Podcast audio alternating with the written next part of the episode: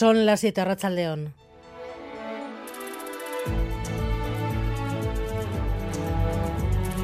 Gambara con Arancha García.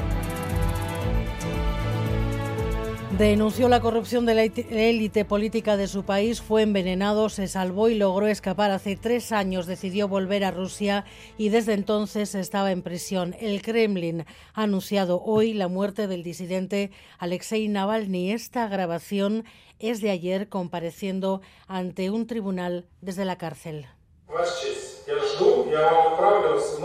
Su señoría, le enviaré mi número de cuenta personal para que pueda usar su enorme salario de juez federal alimentando mi cuenta personal, porque me estoy quedando sin dinero y gracias a sus decisiones se acabará aún más rápido.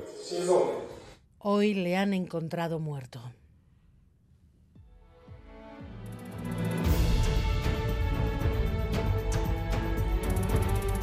La versión oficial es que se sintió indispuesto tras una caminata. La familia hace responsable directamente a Vladimir Putin.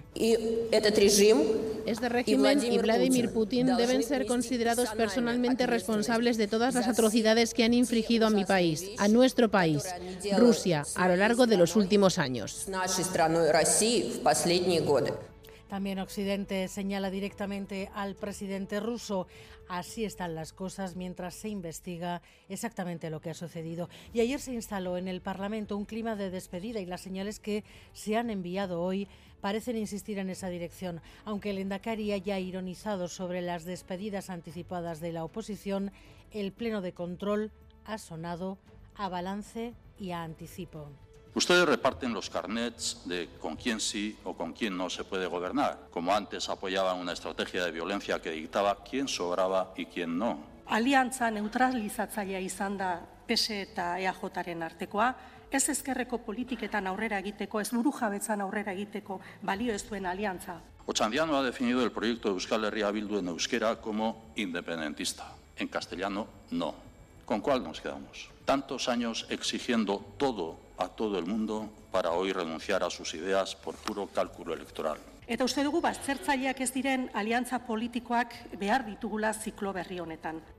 En Galicia se está cerrando una de las campañas electorales más imprevisibles de los últimos años, donde parecía que no iba a pasar nada. Los sondeos siguen asegurando que el PP mantendrá la mayoría absoluta, pero por muy poco. O sea que el último arreón para movilizar a los indecisos puede decidirlo todo. El Partido Socialista cierra campaña hasta ahora con Pedro Sánchez tratando de mitigar el pinchazo que les auguran las encuestas.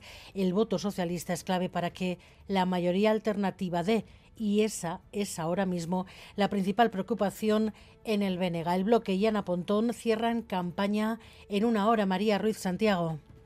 Sí, a Rachaldeón en una hora arranca ese acto de cierre de campaña de quien podría arrebatarle la asunta al Partido Popular, la candidata del BNG, Ana Pontón. Lo harán aquí en Santiago, la capital gallega que gobiernan en este multiusos Fontes Dosar. Un auténtico baño de masas el que se va a dar Ana Pontón. Y aquí también en Santiago, justo a esta hora, acto de cierre de campaña del PSDG, con Pedro Sánchez intentando dar fuerza a la candidatura socialista. Y es que ese es el miedo que hay ahora. Los últimos sondeos muestran que el PSDG pierde fuerza y eso es lo que que, podría impedir que la izquierda sume para gobernar en la Junta. El Partido Popular se juega más que el gobierno gallego. El liderazgo de Feijóo va junto a los resultados del domingo a Coruña, Nerea Sarriegui. En pocos minutos arranca el acto del PP aquí en Coruña. Es el mismo escenario en el que Alberto Núñez Feijó clausuró la campaña de las elecciones generales de julio. Ni él, que cerrará hoy este acto, y no Alfonso Rueda, ni nadie en el partido imaginó en diciembre que hoy se encontrarían en esta situación con su mayoría absoluta en cuestión y con los indultos volviéndoseles en contra. Última oportunidad hoy para convencer a los gallegos. Solo vale llegar a los 38 escaños.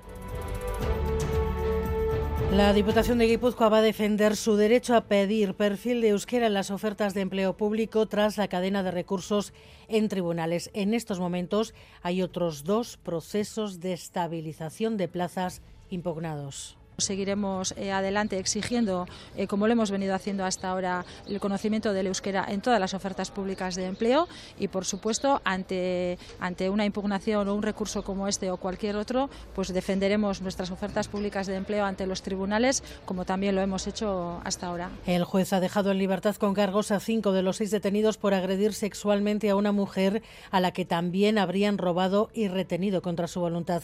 Hay además otro detenido por abusos sexuales a un menor también en Donostia. Enseguida les contamos todo lo que sabemos y además todo hace pensar que el cadáver encontrado hoy en el Arga es el de la joven desaparecida hace unos meses en Pamplona y en Arangoa. A la espera de las pruebas que confirmen su identidad, según la Policía Nacional, todo parece indicar que se trataría de Gabriela Reyes, la mujer de 35 años desaparecida en diciembre en el barrio Pamplones de San Jorge. Una persona que paseaba esta mañana junto al río Arga a su paso por el polígono Landaven ha visto el cuerpo semisumergido en el agua y ha avisado a la policía. Bomberos del grupo de rescate acuático han podido recuperar el cadáver que ha sido trasladado al Instituto Navarro de Medicina Legal para que se confirme la identidad y la autopsia además determinará las causas de la muerte. Y los deportes, John Zubieta, Rachaldeón. Hola, ¿qué tal? Rachaldeón. Hablamos de ciclismo porque tenemos que destacar que Euskaltel Euskadi y Ken Pharma tomarán parte en la Vuelta Ciclista España de este año al haber recibido sendas invitaciones, no así Caja Rural. En fútbol, con la baja de Arnaiz por, Arnaiz por lesión, Osasuna buscará mañana dar un paso más hacia la salvación ante un Cádiz muy necesitado y que se prevé muy defensivo. En pelota, esta noche el frontón de Alsasua acoge el encuentro entre Ezcurdia y Tolosa ante Jaca Mariz Correna y por último un apunte de balonmano porque a las nueve y media Anaitasuna se va a enfrentar en Iruña al Sinfín, penúltimo clasificado.